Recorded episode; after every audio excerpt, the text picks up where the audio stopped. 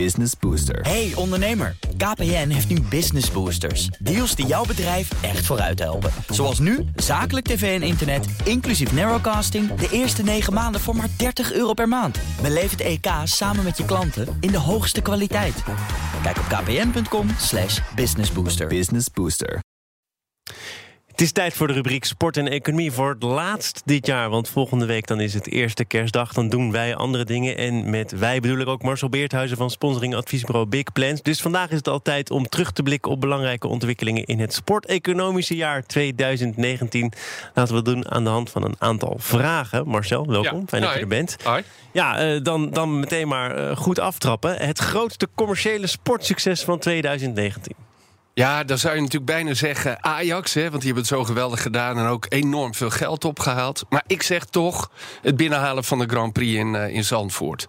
Eh, in een jaar tijd heeft men dat gedaan. Is het gelukt om de strijd met Assen aan te gaan. Heel veel geld van sponsors binnen te halen. En ook Formule 1 management te overtuigen van het feit dat er weer terug zou komen. Ik vind dat echt een prestatie van formaat. Ik heb al gezegd, hè, daar, daar zit de organisatie van het circuit, maar ook twee grote bureaus achter.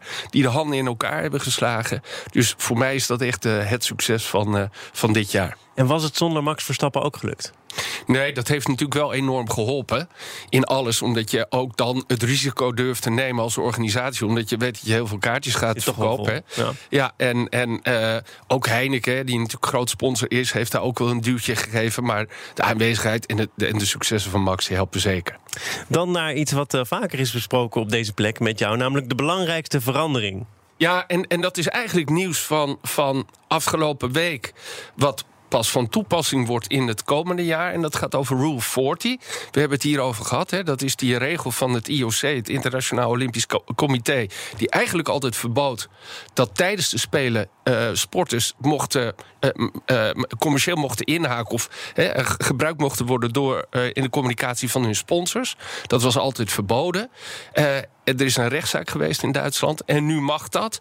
En ook in Nederland mag dat nu. Dus dat is eigenlijk heel goed nieuws voor alle atleten. En ook voor al hun sponsors, zowel van teams als van privépersonen. Omdat die nu ook tijdens de Spelen, het hoogtepunt van heel veel sporters eh, hun carrière, eh, kunnen inhaken. Dus dat, dat, dat is eigenlijk het gekke eraan, toch? Je sponsort jarenlang een Ja. sporter op weg naar een groot toernooi... en dan is dat moment daar en dan ben je vervolgens een maand Nee, ja, en was- helemaal uit de spotlight. Ja, dat was ook ontzettend oneerlijk eigenlijk. Want eh, eh, IOC verdient miljarden hè, met die Olympische Spelen.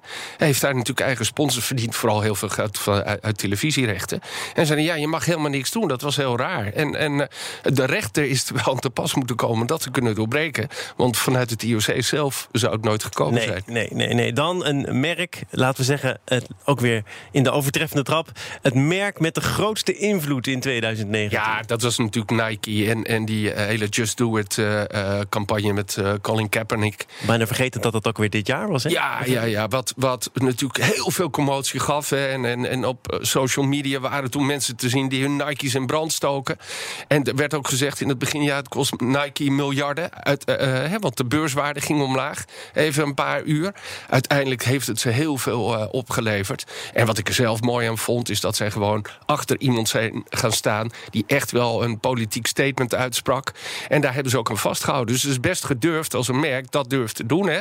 Meestal willen merken natuurlijk afzijdig blijven van dit soort politieke omstandigheden. Zij hebben dat gedaan en is enorm succesvol geworden. Nou, nou hadden wij het hier trouwens op de redactie nog even over vanochtend. En er zei iemand, ja, Nike, mooi jaar gehad natuurlijk. Ook zeker met Colin Kaepernick. Maar tegelijkertijd ook wel een flinke smet met dat eh, Oregon-project. Waarin ze natuurlijk banden bleken te hebben met iemand die een dopingverleden had als coach. Eh, Is dat dan ook weer iets waar ze toch een flink krasje mee oplopen? Ja, dat weet ik niet. Alberto Salazar. Ik weet niet in welke mate hij, hij dan een Nike op de hoogte was van het feit dat hij dat deed. Hij liep altijd al een beetje over de rand. Op de randjes. Een hele bekende marathonloper die trainer was geworden. Ze hebben ook afstand van, eh, van elkaar genomen. Ja. Ja, ja, die krasjes. Nee, ik geloof dat het wel eh eh overgaat. komt Nike wel ja. overheen. Ja, zeker. Dan, dan eh, tot slot van dit hele lijstje de belangrijkste maatschappelijke ontwikkeling die van invloed is geweest. Wat zijn nou de, de trends die ook. Ja, wat je nu ziet, en we hebben het een paar keer hier gehad over NBA in China. En nu zag je het weer, uh, Me, uh, Mesut Özil, hè, de speler van Arsenal, die iets heeft gezegd tegen de Oeigoeren in, in China, die, uh, die daar gediscrimineerd worden. Hè. Dat is een, een moslimgemeenschap. Ja, en dan meteen. Niet uitgezonden? Ja, ja. En, en, meteen grijpt China in en, en zendt die wedstrijden niet uit. En, en dat is bij de NBA ook gebeurd. Dus de politiek en China, Chinese bedrijven die heel veel investeren, Saoedi-Arabië, Arabische landen die heel veel sportevenementen binnen hun grenzen halen, maar wel meteen ook hun regels opleggen. En ook op het gebied van mensenrechten aan de, aan de rest van de wereld. En aan de ene kant wordt de sport dus heel erg afhankelijk van het geld uit die gebieden. Maar moeten we ook rekening gaan houden met wat we zeggen. En uh, ja, dat vind ik eigenlijk wel een hele slechte ontwikkeling. Dat zie je nu gebeuren. Dus dat geld, we hebben maar meer geld nodig in de sport. Maar we moeten vooral blijven zeggen wat, wat, wat eerlijk is en wat oprecht is. En waar wij in ieder geval in, in, in deze kant van de wereld in geloven. Uiteindelijk is dat dan toch goed voor iedereen? Want het voorbeeld van Nike, het grootste succes, geeft aan dat uiteindelijk de korte termijnbeurs reageert misschien even negatief, maar uiteindelijk het sentiment van consumenten van de wereld reageert goed. En het ja. feit dat Chinees, China dan uh, met represailles komt, dat laat ook weer zien hoe de politiek daarin op ja, zeker, Dus zeker. uiteindelijk heeft dat, denk ik, voor de lange termijn juist een goed effect. Ja, nou, ik hoop dat dat waar is. Want je ziet dat het de NBA echt tientallen miljoenen dollars heeft gekocht... omdat, omdat wedstrijden niet meer werden uitgezonden. Chinese sponsors van die, ja. van die clubs uh, terugtraden en niet meer investeren. Dus op de korte termijn kost het heel ja. veel geld. Ja. En ik weet niet of sport dan het middel is... om andere uh, organisaties, en politieke organisaties... van mening te, te doen veranderen. Ik hoop maar dat het zo is. Het is natuurlijk ook altijd de vraag... wat is de, weer, de waarheid? Hè? We moeten ook niet met alles onze westerse maatstaven willen opleggen aan anderen. Maar als het gaat over uh, mensenrechten en dat soort zaken, dan is het niet zo'n moeilijke discussie, denk ik. En nog belangrijker ja. thema's dan wie er nou sportman, sportvrouw, sportploeg van het jaar wordt. Terwijl, we zouden het daar wel over hebben. Je hebt je smoking al gestoomd, alles is in gereedheid ben gebracht. Ben klaar voor het sportgala. Okay, wat wordt, wat wordt uh, volgens jou dan de grootste verrassing in dat sportgala? Want we kunnen ze niet meer allemaal bespreken.